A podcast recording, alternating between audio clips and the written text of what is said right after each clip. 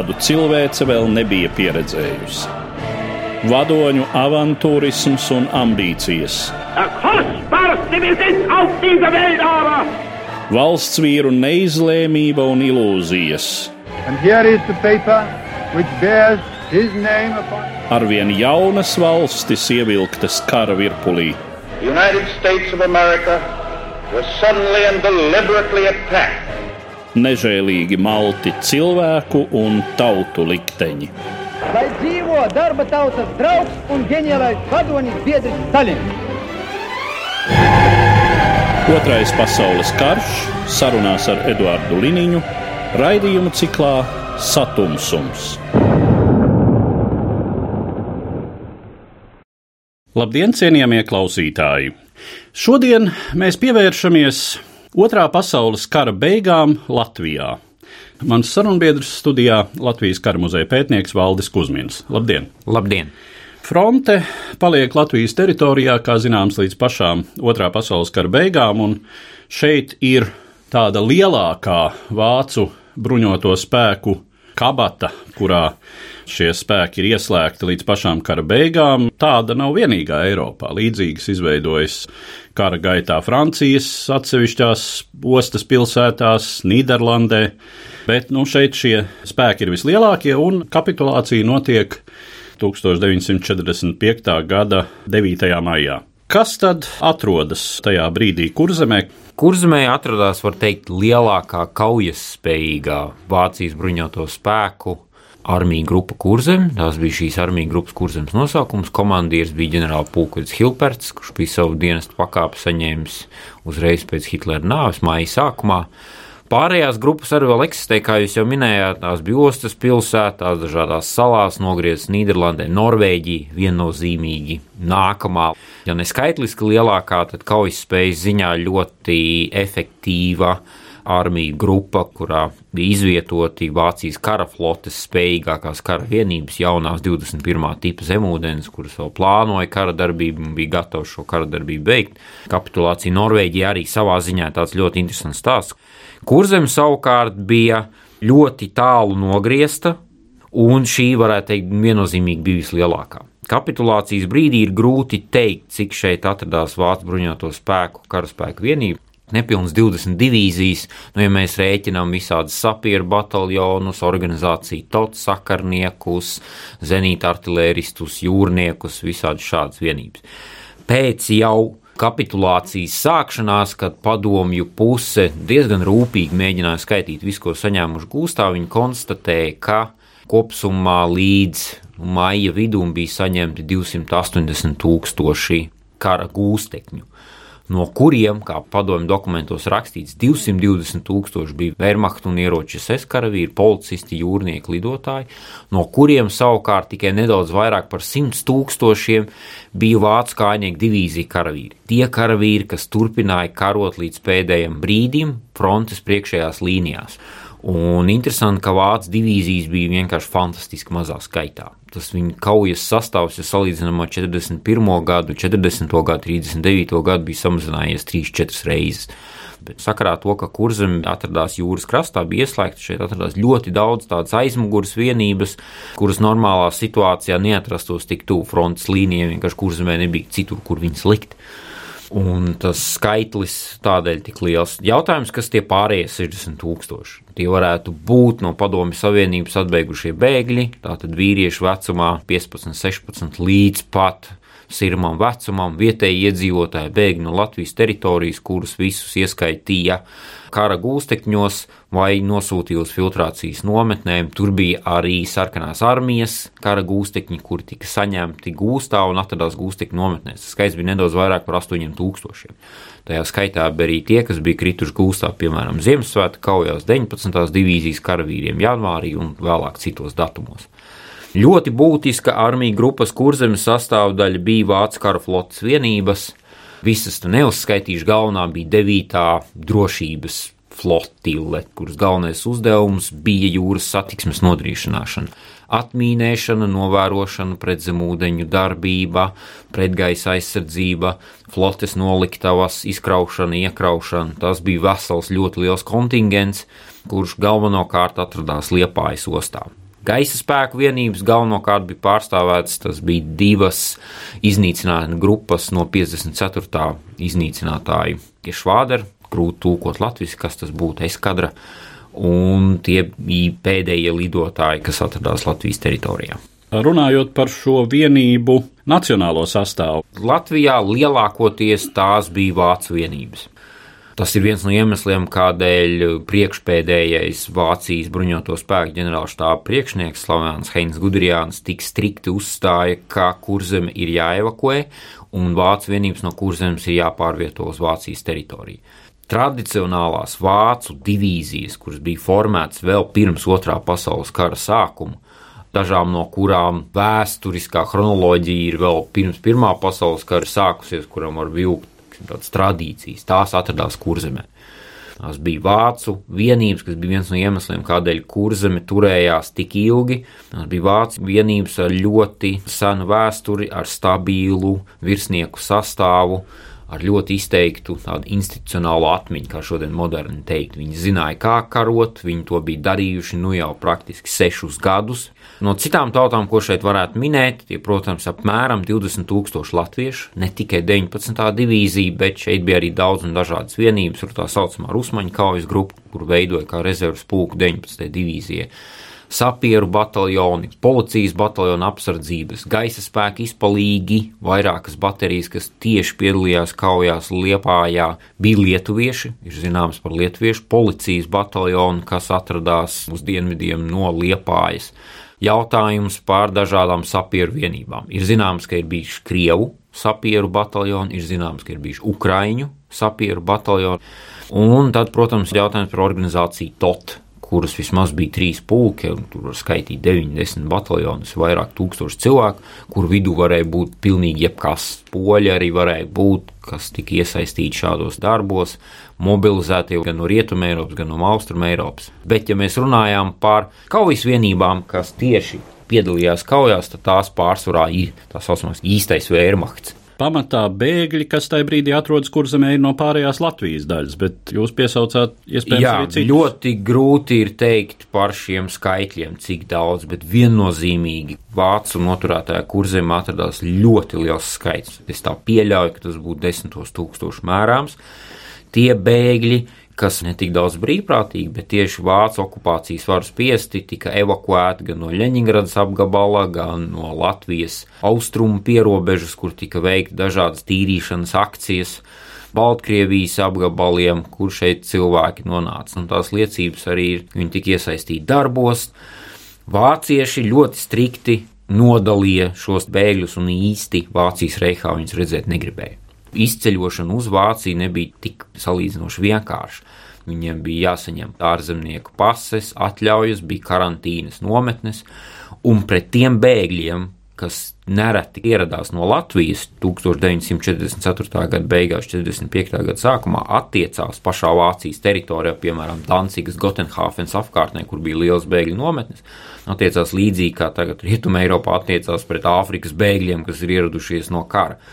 Strikt tika nošķirts, kas ir vācieši, kas, piemēram, bēg no austrumprūsīs, tie ir mūsēji mūsu bēgļi, bet dažādi krievi, baltkrievi un latvieši, igauņi, lietuvieši uz viņiem skatījās atšķirīgi. Par to, kas arī latviešu daļu literatūrā ir iezīmējies kā tāds tēls, tas ir kurzemes mežs. Kas Jā. tad tajā brīdī atrodas kurzemes mežos?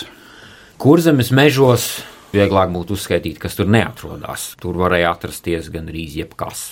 Un galvenais iemesls ir jau visi iepriekš minētie kurzemē.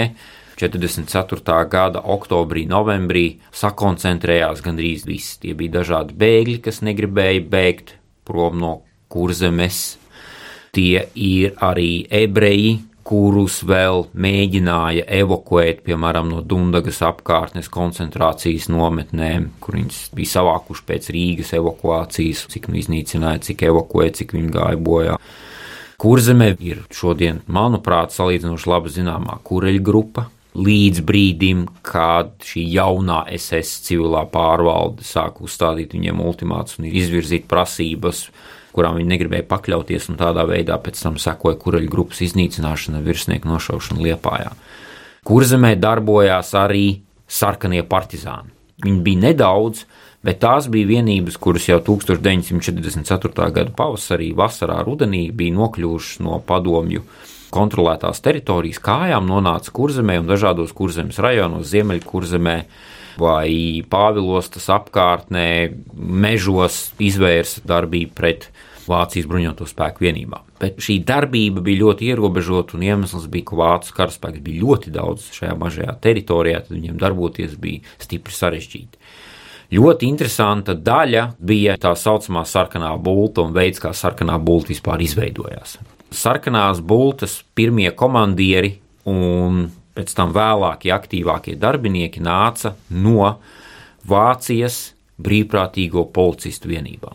Tie bija Latvijas iedzīvotāji, krievi pēc tautības, kuri Daugopilī 1943. gada sākumā tika saformēts policijas bataljons, kurš piedalījās gan pretpartizāna akcijās Baltkrievijā, gan robežas apsardzībā, gan visur citur. Kad šo bataljonu līdzīgi kā Latviešu policijas vienības 44. gada beigās grasījās evakuēt uz Vāciju, Tad viņi nolēma doties mežos un kļūt par padomju varas atbalstītājiem. Pirmie bija apmēram 20. Latvijas kara muzejā ir saglabājies tāds unikāls materiāls, sarkanās armijas galvenās izlūkošanas pārvaldes personu lietu apraksts. Tā ir klāde, kur ir ierakstīti sarkanās bultas dalībnieki, vairāk par 50, un praktiski visiem viņiem ir kaut kāda vai nu vācu policijas, vai vērmahtā, vai dažādu citu struktūru iepriekšējā pieredze. Daļa ir no kureļu grupas pārnākuši, daži bijušie policisti, daži bijušie leģionāri.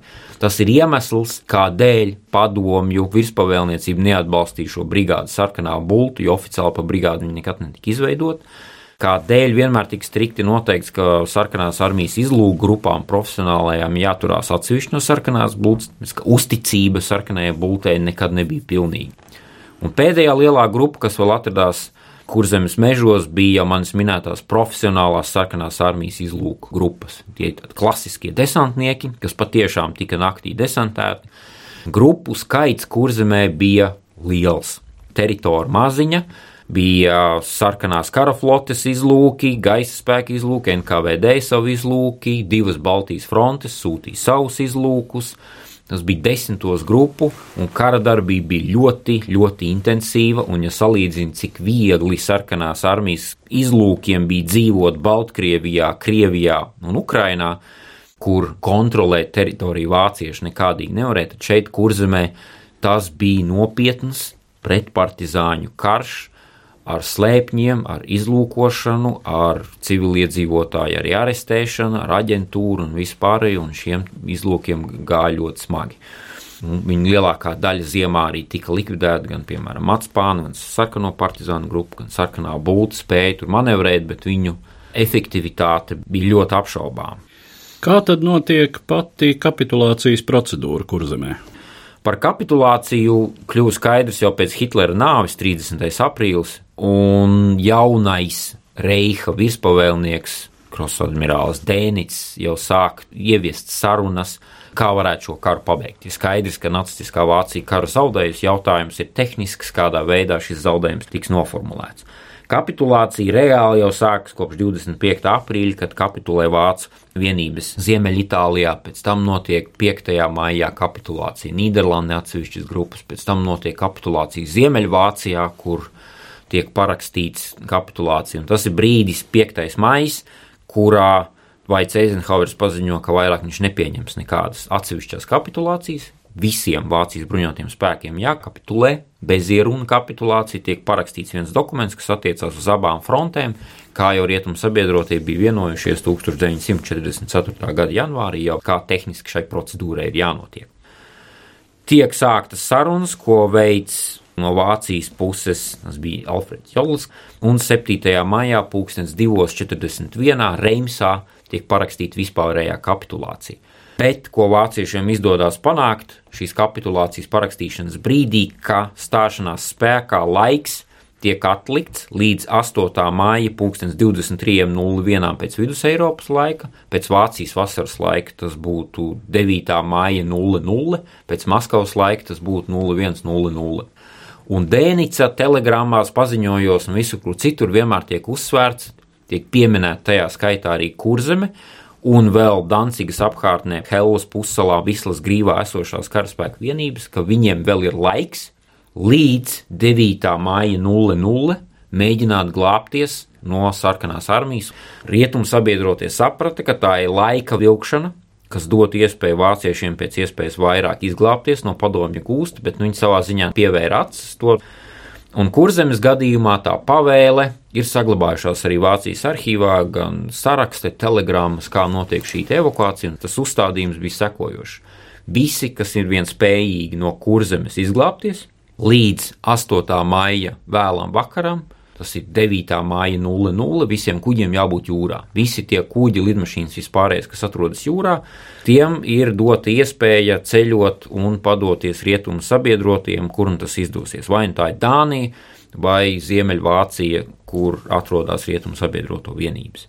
Tajā pašā laikā jau kad notiek šīs vācu sarunas savā starpā, kā brauks, kurš brauks, no kurām ostām, kā tas viss notiks, Maršals Govorovs 7. maija vakarā izsūta radio ziņojumu adresētu armiju grupas kurzem virspavēlniecībai ar paziņojumu, ka Vācijas bruņotie spēki parakstījuši kapitulāciju, un kurzemēji arī tiek piedāvāta bezieruna kapitulācija un ir jāsāk sarunas. 8. māja rītā tiek apstiprināts, ka mēs pieņemam jūsu ultimātu, un pēc tam seko jau sarunas, brauc armijas komandieri, katrs atsevišķi parakstīja savu kapitulācijas aktu, un vienošanās paredzēja, ka no 8. maija 14.00 ir pamieris un tiek sākt sarunas. Pati kapitulācija, kad tieši kapitulē, ir ļoti relatīva. Tas vienmēr ir jautājums, kad kurzemē kapitulē 8., 9., 10., 11. Tas bija atkarīgs no katras individuālas karaspēka vienības, jo procedūra paredzēja, ka abās pusēs sešos šie komandieri satiekās un tad vienojās. Piemēram, 130. Latvijas strēlnieku korpuss pieņēma 24. Vācu kājnieku divīzijas kapitulāciju. Sarunas tika sāktas 8. māja vakarā, kur vienkārši satikās plāņu muižā. Divīzijas komandieris ģenerālmajors Šulcs kas ir interesanti. Viņš ir Latvijas armijas bijušais artērijas virsnieks. Vācu Baltietis. Jā, Vācu Baltietis, kurš acīm redzot brīvi runāja latviešu un iespējams saprata arī krieviski. 39. gadā, ja nemaldos, viņš vairs nebija aktīvajā dienestā, ņemot vērā attieksmi pret vāciešiem Latvijā Ulmaņa režīma laikā. Bet viņš bija bruņoto spēku kadru virsnieks, artērijas, ja nemaldos, pulkvedis leitnants Latvijas armijā un jau pēc tam izceļojies uz Vāciju, iestājās Wehrmachtā un karu pabeidz kā Vācijas divīzijas komandieris ģenerālmajors. Tad viņi vienojās, ka mēs parakstītu, tad viņi lūdza kādu laiku. Tā saruna gaita ir arī aprakstīta, kurā viņš, piemēram, lūdz 9. māja rītā nedaudz atlikt kapitulāciju kā tādu, jo karavīri nav pabaroti. Nu, mēs viņus gribētu pēdējo reizi vēl pabarot, kas no padomju puses ir labi. Jūs viņus tur pabarojat, dariet kā gribat.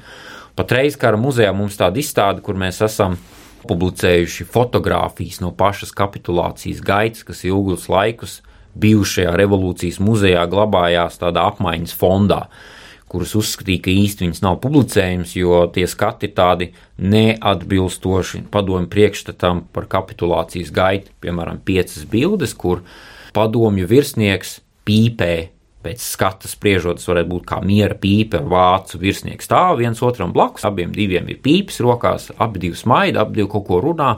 Kas ir stipri atšķirīgi no tā, kā piemēram notika kara beigas Breslavā, Čehoslovākijā, Kēnigsbergā vai tajā pašā Berlīnē, kur bija asiņaina kara darbība no abām pusēm līdz pat pēdējiem brīdim. Vēl, teiksim, unikālāk ir kino fotodokumentu arhīvu kadri, kurus arī var redzēt kara muzejā, kā notiek 12. tanku divīzijas kapitulācija, kur viens no tanku bataljonu komandieriem ierodās kapitulācijas laukumā, Matkulas apkārtnē, viņš iebrauc sēžot uz tanka, apstājās, salūtē, nokāp no tanka, viņam pretī dodas padomju tankists, arī sveicina atbilstoši militārajām tradīcijām, sasveicinās, un viņš šādā veidā it kā nodot, kas pēc tā tīri vizuāli drīzāk būtu atbilstoši. Vairāk, piemēram, amerikāņu pilsoņu kara kapitulācijas skatam kaut kas no 19. gadsimta, bet nekas, kas būtu tāds vispār pieņemts otrā pasaules kara kontekstā. Šī kapitulācija varēja notikt kā nu kurā vietā, bet Lielos vilcienos tā bija ļoti korekta, un kā rakstīja pavēlē arī Hilperts, ka kapitulācijai ir jābūt no vācu puses ļoti korektai, jo no tā ir atkarīgs, kā padomi puse attieksies pret vācu kara gūstekņiem vēlāk. Kā notiek tieši Latviešu leģiona 19. divīzijas un pārējo latviešu daļu kapitulācija? Principiāli atšķirīgi. Un ļoti būtiska nozīme ir 19. divīzijas komandiera Bruno Strechenbacha loma, jo tad, kad viņš saņēma kapitulācijas pavēli, tad viņš nevis izdeva kapitulācijas pavēli savām vienībām, bet gan formāli izformēja divīziju, paziņoja, ka katrs tagad dara, ko grib, divīzija pārstāja savu eksistenci. Līdz ar to latvieši, ceļš 19. divīzija, kas atradās priekšējās vienībās, katram bija sava izvēle. Nu, un tur ir daudz un dažādi varianti kuri jau bija pārliecināti, ka viņi dosies mežā un cīnīsies, bija tādi, kas gatavojās doties mežā un cīnīties. Bija tādi, kas nolēma, ka ies mājās, protams, lielākā daļa tika diezgan ātri noķerta. Bija tādi, kas arī padevās gūstā, bet mēs redzam pēc padomju dokumentiem, ka līdz pat maija beigām no latviešu vienībām, ja kopā kurzemē bija apmēram 20 tūkstoši, tad padomju, ko viņi identificēja kā gūstā saņemtos, bija apmēram tikai 3-4 tūkstoši, ko viņi ierakstīja kā 19. divīzijas karavīri, tad pārējie vienkārši izklīda un devās dažādos virzienos. Ir ļoti emocionāli apraksti par šo pēdējo brīdi, kur Teofils Dreimans, piemēram, raksta, ka visi vīri raudāja, Jānis Blūms atmiņās raksta, ka iestājās tāds pilnīgs šoks un ka nevar saprast, ko tagad darīt. Viņš to definēja, ka viņi bija jau trīs gadus karojuši, visu laiku ir pavēle, rīkojums, pavēle, rīkojums, un pēkšņi tu esi brīvs, dari, ko gribi. Ir ļoti emocionāls Sandijs Jaunavā pāris gadu atpakaļ filmētajā filmā slavenā matemātikas pasniedzēja skolotāja Jāņa Menča video stāsts par to, kā notiek kapitulācija, kur viņam bija jālas šī pavēle un ka viņš jūt, ka viņam arī asaras acīs. Protams, dažādi policijas vienības, aizsargu vienības, daži mēģināja pārģērbties, kļūt par civiliedzīvotājiem. Glābšanās scenāriji bija stipri atšķirīgi. Diezgan būtiski ir tas, ka šo latviešu ceļu virsnieku gatavība darboties Nacionālo partizānu rindās bija drīzāk teorētiska. Jo, ja mēs skatāmies no pēdējiem pūku komandieriem, tur gan Laumanis, gan Galdiņš, gan bataljona komandieris Jānis Līdums devās mežā pie nacionālajiem partizāniem, bet ko mēs redzam, tad viena lieta ir frontes komandieris. Tie ir vieni apstākļi. Pilnīgi citi principiāli apstākļi ir mežā, kad vairāk nav formālās militārās disciplīnas, un šeit ir nepieciešami citi līderi, citas komandieru dotības, pusgada laikā šīs iepriekšējās 19. divīzijas izveidotās tādas formālās pakļautu attiecības praktiski sabrūk, kas bija viens no iemesliem, kādēļ varbūt šī nacionālo partizānu kustība nu, nebija varbūt tik sekmīga, ja mēs, piemēram, salīdzinām ar Lietuvas meža brāļu kustību. Un kas ir interesanti, bija diezgan daudz brīvprātīgie seržanti, instruktori, kas bija iestājušies brīvprātīgi 41. un 42. gadā, vai tikko kā jauni leitnanti, nesen kļuvuši par leitnantiem, Tie bija tie vīri, kas kļuva par galveno nacionālo partizānu kustības dzinēju spēku. Kāds ir to latviešu karavīru liktenis, kas padodas gūstā? Lai ko šodien Krievijas vēsturnieki vai propaganda, kā nu kurš to sauc, runātu par fašistiskajiem leģionāriem vai nacistiem un esesiešiem, 1945. gada maijā viņiem bija ļoti precīzs priekšstats, kas ir Latviešu leģions. Jau 44. gada maijā ir NKVD ziņojumi ļoti precīzi pat ziņojumi, kā notiek Latviešu leģionu vienību formēšana, kā notiek mobilizācija, kā notiek izvairīšanās no mobilizācijas. Līdz ar to pēc gūstekņu saņemšanas bija arī atšķirīga attieksme pret šiem gūstā saņemtajiem. Ja mēs, piemēram, runājam par 42. grenadieru pulku komandieru Nikolai Galdiņu, tad viņu arestēja, tiesāja, tika piespriests nāves sots un viņu nošāva. Mēs runājam par Miervaldu Ādamsonu, kuru arestēja, tiesāja, viņš mēģināja beigt, viņu tiesāja vēlreiz un pēc tam viņu nošāva. Tas ir viens stāsts. Ja mēs runājam par tiem latviešu leģionāriem, kur liela daļa bija mobilizēta 44. gadā, tad attieksme pret viņiem bija līdzvērtīga tam, kāda bija attieksme pret vācu karavīriem. Tas ir, viņi tiek nosūtīti uz kara gūstekņu nometnēm ar tādu absolūti brutālu racionālu aprēķinu, izmantot viņus kā verga darba spēku. Tā nebija nekāda dieva dāvana, bet kara gūstekņi varēja, katram tā situācija bija individuāla, varēja jau atgriezties 46. gada vidū, 46. gada beigās, 47. gada sākumā no kara gūstekņu nometnēm mājās. Piemēram, minētais matemātikas grāmatu autors Mencis, strādāja pie Volgas kanāla būvniecības, kur, protams, būdams ļoti labi izglītots, viņš tika iesaistīts rasējuma veikšanā un darbā, kur vairāk ar galvu viņam bija iespēja strādāt. Citiem varēja paveikties mazāk. Daži nokļuva pie klusā okeāna, Komsomoļskā pie Amūras, diezgan daudz nokļuva Grūzijā, Kutaisī, apkārtnē ļoti smagos apstākļos. Maskavas metro būvniecība, arī šeit Latvijas teritorijā varēja daži palikt katra gadījums ir pilnīgi individuāls, kam bija labāki izdzīvošanas apstākļi. Vēl viena latviešu karavīru grupa ļoti interesanta ir tie, kurus pēc saņemšanas gūstā. Tie bija lielākoties gados jaunāki, vai nu tie gaisa spēku izpalīgi vai 15. divīzijas karavīri, kurus pēc tam iesauca sarkanajā armijā un nosūtīja uz Silamē, Igaunijas ziemeļdaļā, kur viņus arī izmantoja kā vergu darba spēku, bet nu jau nevis kā ieslodzītos vai kara gūstekņus, bet kā sarkanās armijas būvbataljonu karavīrus. Ļoti grūti spriest, kas notika ar šiem kara gūstekņiem. Informācijas praktiski nav nekādas apkopojošas. Cik tika nosūtīts filtrācija, cik reāli tika tiesāta, cik gāja bojā, cik tiesāja par kaut nosacīti pamatotām apsūdzībām, piemēram, Teodoram Kalnājam. Apsūdzības galvenais punkts, ka viņš ir glabājis nereģistrētu ieroci. Nevis tas, ka viņš bija leģionārs vai virsnieks Latviešu leģionā, tas bija ļoti individuāli. Varēja vienkārši notiesāt tāpat par skaistām acīm. Reizēm šī izmeklēšana arī tika veikta rūpīgāk. Cik ir to, kuriem izdodas aizkļūt prom no kurzemes, kādas ir tās iespējas, teiksim, iekļūt pēdējā laivā? Varbūt nedaudz kopumā par šo pēdējo laivu kustību, ko mēs jau vairākas reizes esam runājuši šeit raidījumos, ka Vācijas kara flote līdz pat pēdējai kara minūtei saglabāja kaujas spējas. Viņi bija spējīgi organizēt karaspēka evakuāciju no kurzemes pēdējā dienā. Kopējais skaits ir apmēram 25,000 cilvēku, Wehrmachta, kara flotes gaisa spēku, arī latvieši, kas nokļuva uz kuģiem 5, 6 konvoji, kas atstāja Liepāju, viens konvojs, kas atstāja Vēnspili. Tā nebija stihiska bēgšana, tā bija ļoti veiksmīgi izplānota, ņemot vērā mazo laiku. Un ļoti sekmīgi īstenot karaspēka evakuācija. Pēdējie kuģi atstāja Liepāju 8. māja vakarā, bija vēl atsevišķi kuterīši, kas atstāja 9. māja rītā un devās pāri Baltijas jūrai. Padomju aviācija un arī kara flote mēģināja konvojus pārtvert. 9. māja dienā vēl notika diezgan sīvas kaujas, ar ko viņi brauca ar visu. Lielākais kuģis bija tankers, uz kuru varēja uzkāpt vairāk kā 5000, un tad bija vesela rinda dažādu inženieru, desantu laivas, dažādu veidu prāmji, uz kuriem varēja būt ap simts karavīru, nu, kuri tad arī kā mušas tur vienkārši bija salipuši. Ir saglabājušās arī bildes, kur izskatās vienkārši tāds eizis, kas kustās pa jūru un pateicoties tikai labiem laika apstākļiem, bet daži nenogrim.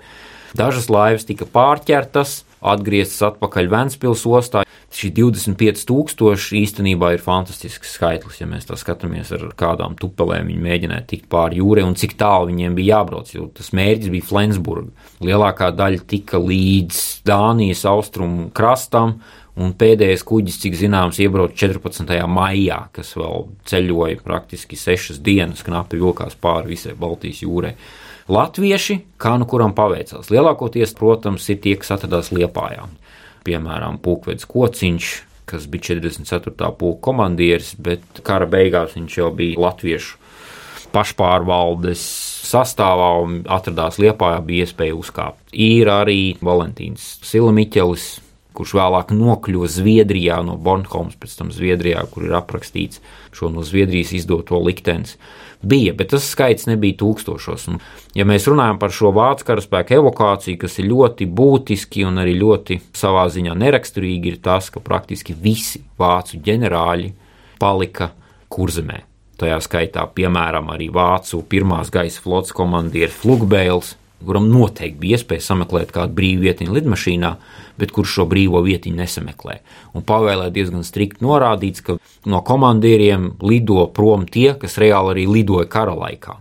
Tur diezgan labi apraksta, kā viņi mēģina izvest visus savus mehāniķus un tehniķus. Tika burtiski izmestas visas radiostacijas ārā, uztveršanas iekārtas tika izmestas un tādos nosacītos bagāžniekos viņi izmeta bruņu sēdekļus un burtiski sēdēja uz ķeblīšiem, lai tikai varētu šos savus mehāniķus, divus, trīs vienvietīgajos iznīcinātājos ietilpināt arī ar visiem augstākā ranga divīziju komandieriem. Praktiski visi divīziju komandieri padevās gūstā. Izņēmums ir Strekenbachs, kurš mēģināja pārģērbties par kaprāli un padevās gūstā, bet vēlējās noslēpt šāva SS virsnieku augsto rangu. Un sastājas SS korpusa štābs Waltera Krīgera vadībā, kas mēģināja ar kājām tikt uz Vācijas teritoriju, bet Lietuvas ziemeļdaļā naktī viņi tika pārsteigti un gāja bojā. Ir apraksti par latviešiem, kas mēģina tikt uz Vāciju. Ir viens virsnieka apraksts, kur viņi dodas pāri visai Lietuvai, Polijai, jau okupētai Vācijas austrumu daļai un nokļūst Vācijas rietumu daļā. Sākotnēji viņi bija pieci, ja nemaldos, beigās trīs tika. Viņi bija bruņoti ar pistolēm pārģērbušies, protams, un tas ceļojums viņiem ilga pusgadu. 45. gada novembrī viņi tika pāri robežu upei un jau nokļuva pie rietumu sabiedrotajiem. Par to, kas notiek tālāk, tas ir atsevišķs stāsts, bet par šo stāstu, par 45. gada maiju Vācu vienību kapitulāciju Kurzemē, es saku paldies manam sarunbiedram, kara muzeja pētniekam Valdim Kusminam. Raidījumā šīs dienas acīm cikls Satumsums - sarunas par Otro pasaules karu.